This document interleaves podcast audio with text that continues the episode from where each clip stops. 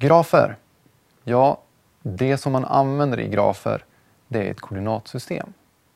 Så innan man ens kan börja rita grafer, då måste vi ha ett koordinatsystem. Och det man har i ett koordinatsystem, det är en x-axel och vi har en y-axel. Åtminstone om det är två dimensioner.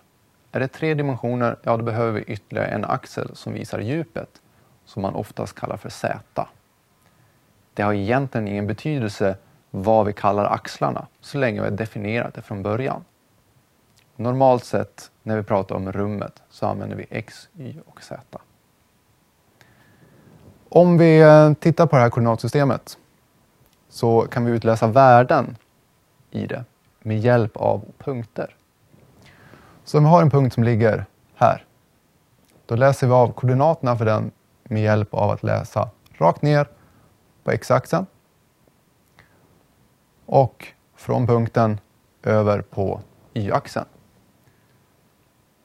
Och den punkt som vi ritar ut nu har då koordinaterna 1 på x och 4 på y. Då skriver vi punkten som p av 1,4.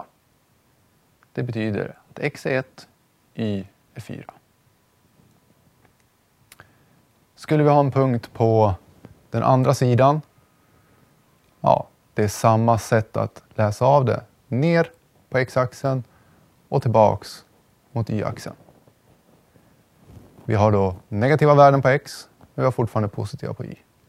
Och det finns fyra stycken kvadranter som man räknar med. Första, andra, tredje och fjärde.